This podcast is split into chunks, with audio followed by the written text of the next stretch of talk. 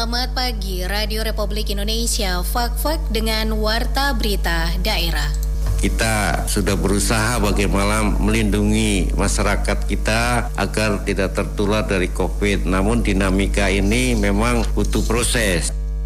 Kolam kuali ini adalah salah satu objek yang pada dasarnya mempunyai daya tarik tersendiri dikarenakan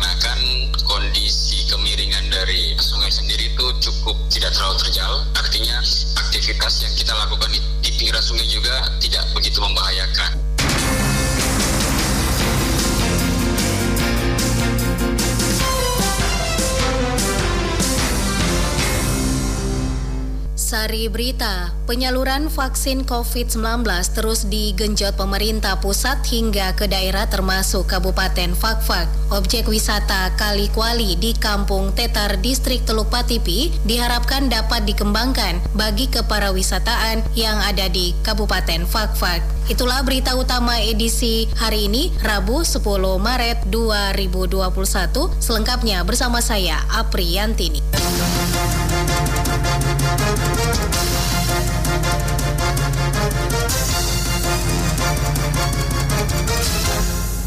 Penyaluran vaksin COVID-19 terus digenjot pemerintah pusat hingga ke daerah termasuk Kabupaten Fakfak. Oleh sebab itu perlunya sosialisasi yang baik bagi masyarakat. Sosialisasikan dulu. Kami masyarakat tetap terima saja tetapi Betul. harus cara dulu baik-baik di bawah yeah. untuk masyarakat karena masyarakat banyak ini punya penilaian. Pelaksanaan vaksinasi tahap pertama di Fakfak yang diperuntukkan bagi tenaga kesehatan telah mencapai 100% dari target mulai dari penyuntikan pertama hingga kedua. Pelaksanaan vaksinasi tersebut terus ditingkatkan oleh pemerintah pusat hingga daerah dengan sasaran seluruh masyarakat. Hal tersebut disampaikan Gondo Suprapto dalam program dialog interaktif. Dalam dialog tersebut, berbagai masukan, saran maupun pertanyaan dilontarkan para pendengar, seperti halnya Ibu Ernika Paur yang mengharapkan sosialisasi terkait vaksinasi COVID-19 terus dilakukan sehingga masyarakat dapat lebih memahami dan meyakini dampak positif ketika seseorang menerima vaksin. Hal ini dikarenakan pemahaman masyarakat yang berbeda-beda akibat pengaruh pemberitaan di media sosial terkait dampak negatif setelah menerima vaksin.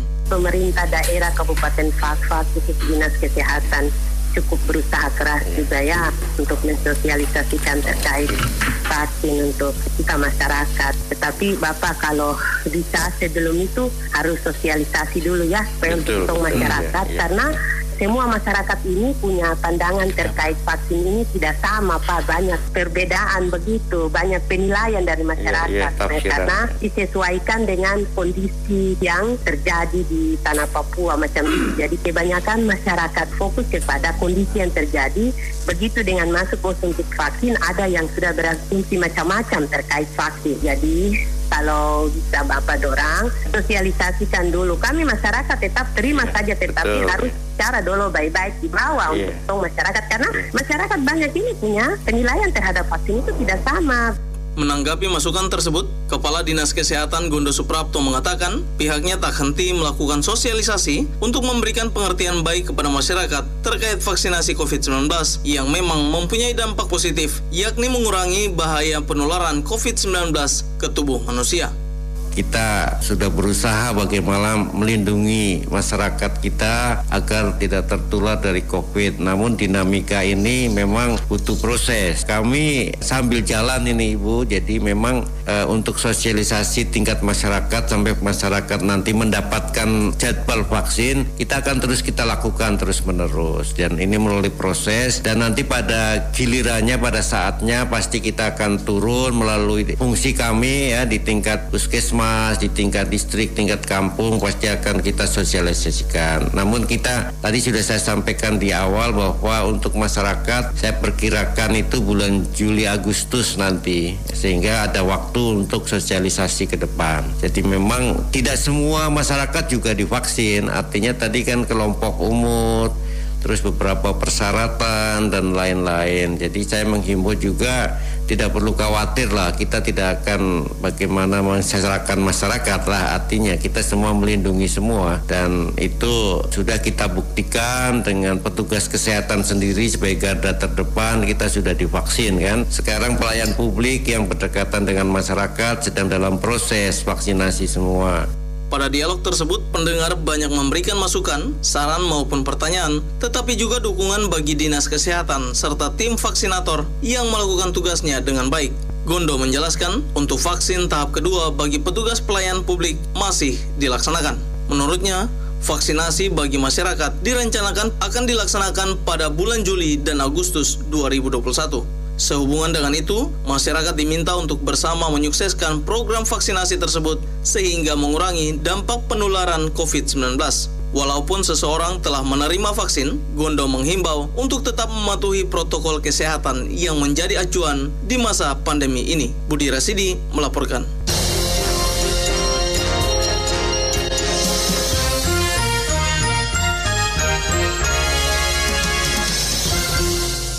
Komunitas muda Fakfak di tahun 2021 ini terus berperan aktif dalam pembangunan Kabupaten Fakfak. Berikut laporannya. Saudara sejarah telah membuktikan bahwa pemuda adalah salah satu pilar yang memiliki peran besar dalam perjalanan berbangsa dan bernegara, sehingga maju mundurnya suatu negara ditentukan oleh pemikiran serta kontribusi aktif dari pemuda. Terlepas dari persoalan bangsa, maju mundurnya suatu daerah pun dipengaruhi oleh peran pemuda. Di Fak-Fak misalnya, kiprah kaum muda turut berperan dalam membangun Kabupaten Fak-Fak. Mereka adalah para komunitas muda Fakfak sebagai potensial sumber insani. Ketua Fakfak mengajar Immanuel David yang terhindo mengungkapkan kepelupuran merupakan garda terdepan yang merintis, membuka jalan dan memulai sesuatu diikuti, dilanjutkan dan dikembangkan serta dipikirkan oleh yang lain.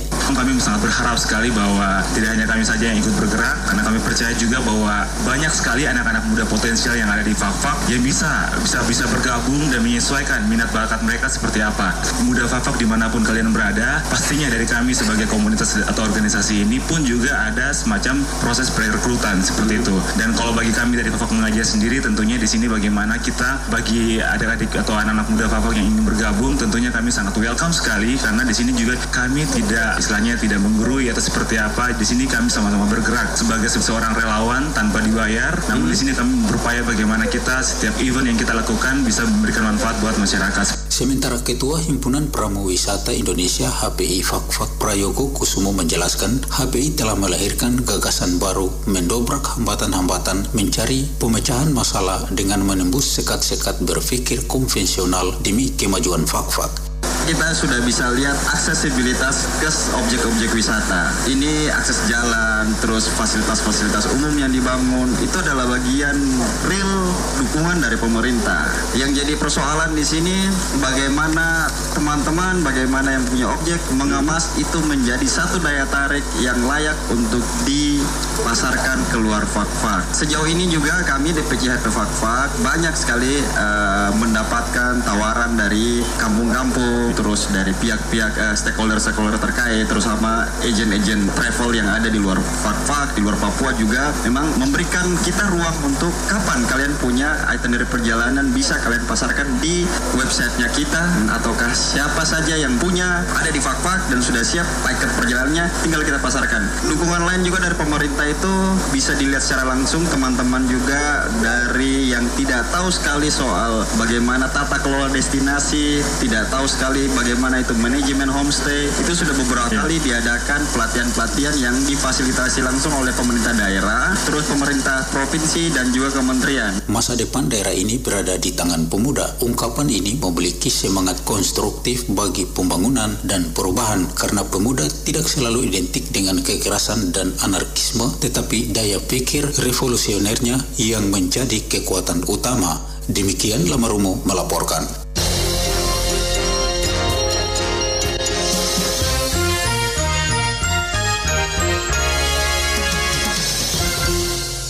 Kampung Tetar Distrik Teluk Patipi memiliki objek wisata Kali Kuali lubang-lubang alam serta beberapa objek wisata lainnya yang dapat dikembangkan bagi keparawisataan yang ada di Kabupaten Fakfak. Sektor pariwisata di Kabupaten Fakfak saat ini sudah mulai berkembang. Masyarakat lokal selaku pemilik lokasi wisata pun semakin peduli melihat potensi wisata yang dimiliki. Salah satu di antaranya adalah objek wisata yang ada di Kampung Tetar, Distrik Teluk Patipi. Sehubungan dengan upaya mengembangkan objek wisata di Kampung Tetar, Dewan Pimpinan Cabang DPC Himpunan Pariwisata Indonesia HPI Kabupaten Fakfak Fakfak mengunjungi beberapa spot wisata yang ada di Kampung Tetar. Ketua DPC HPI Kabupaten Fakfak Proyogo Kusumo mengatakan ada beberapa objek wisata menarik yang dapat dikunjungi oleh masyarakat Kabupaten Fakfak di antaranya adalah kolam kuali, lubang-lubang alam atau gua yang indah dan tidak kalah menariknya pembangunan tugu biji pala versi masyarakat Kampung Tetar serta dibangunnya patung hewan dan manusia. Kolam kuali ini adalah salah satu objek yang pada dasarnya mempunyai daya tarik tersendiri dikarenakan kondisi kemiringan dari sungai sendiri itu cukup tidak terlalu terjal. Artinya aktivitas yang kita lakukan di pinggiran sungai juga tidak begitu membahayakan. Didukung oleh hutan yang masih rapat di sana belum lagi kolam-kolam yang memang sudah sangat cocok untuk kita jadikan tempat-tempat santai di sana. Di sisi lain juga uh, Tetar juga punya lubang-lubang alam atau goa. Itu memang punya sejarah yang cukup panjang. Apabila kita tarik ulur ke apa wisata budaya mungkin bisa ditelusuri lebih detail lagi. Nah, Tetar juga dalam beberapa waktu kemarin sampai dengan saat ini mereka lagi buat satu tugu. Tugu ini secara histori itu menceritakan asal mula biji pala versi masyarakat Kampung Tetar. Menurut Prayoga Kusuma, objek-objek wisata yang ada di Kampung Tetar akan dipromosikan atau disosialisasikan kepada masyarakat pada saat diresmikannya Tugu Biji Pala versi masyarakat Kampung Tetar. Intensitas aktivitas yang lebih intens nanti akan kita lakukan setelah peresmian Tugu. Nah, berhubung kepala kampung juga berharap Tugu itu bisa selesai secepatnya kalau memang dimungkinkan di bulan ini atau bulan depan. Nah, baru kita bergerak dari titik startnya kita supaya terlihat saat kunjungan wisatawan ke sana, startnya dari mana, rutenya ke mana, dan finishnya ke mana, dan apa saja mereka akan nikmati. Nah, informasi awal juga yang kami terima itu jika memang kita beri kesehatan umur panjang oleh Tuhan, ya mungkin kita akan mencoba untuk uh, mengeksplorasi dulu goa yang tembusannya sampai ke tepian sungai. Artinya jika ini menjadi satu daya tarik khusus juga bagi kampung, maka bisa kita sinkronkan nanti dengan objek-objek yang lain. Meski jalan menuju objek wisata di Kampung Tetar ada sedikit kendala dengan kondisi jalan dari kota Fafak menuju Kampung Tetar yang kurang begitu baik, namun jalan tersebut masih dapat dilalui oleh para pengunjung yang hendak mengunjungi objek wisata yang ada di Kampung Tetar. Untuk aksesibilitas, kita berbicara awal dulu mengenai kondisi jalan dari Fafak ke kampung. Ya pada dasarnya itu sudah terhubung dan cukup baik, hanya ada beberapa titik-titik saja yang memang rawan dalam artian ada jalan yang perlu memang diperhatikan secara menyeluruh. Terus setelah di objek untuk akses dari jembatan Tetar menuju ke kolam kuali itu waktu tempuh kita kurang lebih 15 menit lah dengan rute kita hanya ikuti di tepian-tepian sungai. Kondisi tepian sungai juga bervariatif, ada yang landai, ada yang sedikit terjal, tapi masih dalam kondisi yang layak untuk dilalui para wisatawan. Objek-objek wisata yang berada di Kampung Tetar sudah tidak asing lagi bagi masyarakat lokal, khususnya masyarakat Fak-Fak maupun masyarakat yang ada di Kampung Tetar itu sendiri. Namun hal-hal yang terpenting dalam pengembangan objek wisata yang ada di Kampung Tetar adalah adanya MCK untuk ruang ganti wisatawan, pengembangan homestay, serta adanya arus mobilisasi untuk para wisatawan. Selain itu juga perlu adanya penguatan dari sisi kelembagaan dari kampung seperti BUMDes yang dapat mengembangkan atau mendanai potensi objek pariwisataan di tingkat kampung. Januardi melaporkan.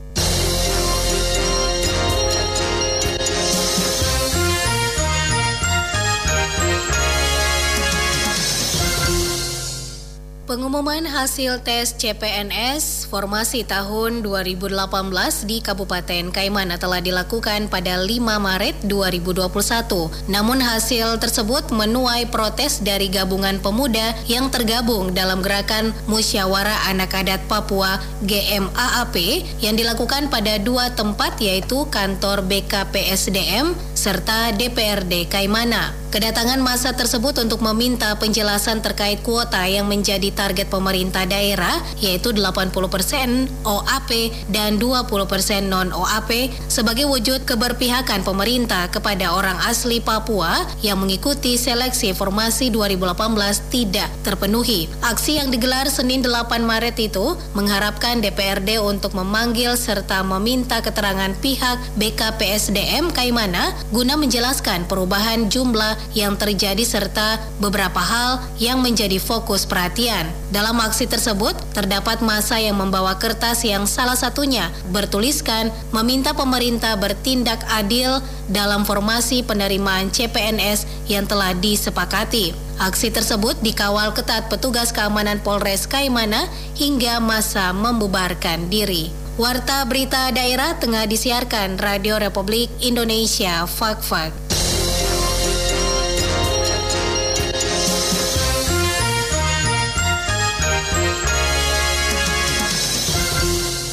Komando Distrik Militer Kodim 1803 Fakfak menerima bantuan berupa satu unit mobil ambulan dan tiga buah Westapel dari Bank BRI cabang Fakfak. Penyerahan tersebut dilakukan kepada cabang BRI Fakfak Heru Hendro Wardono kepada Komandan Kodim dan Dim 1803 Fakfak Letkol Infantri Dodi Yuda. Dandim Infantri Dodi Yuda mengatakan penyerahan bantuan ini merupakan salah satu bentuk solidaritas dan kerjasama antara TNI dan Bank BRI cabang Fakfak. Selaku Komandan Kodim 1803 Fakfak, ia mengucapkan terima kasih atas dukungan berupa satu unit mobil ambulans dan tiga unit Westapel. Sementara bantuan ini bertujuan untuk membantu pencegahan virus corona atau COVID-19 di wilayah Kabupaten Fakfak masih mendengarkan RRI Radio Tangga Bencana COVID-19.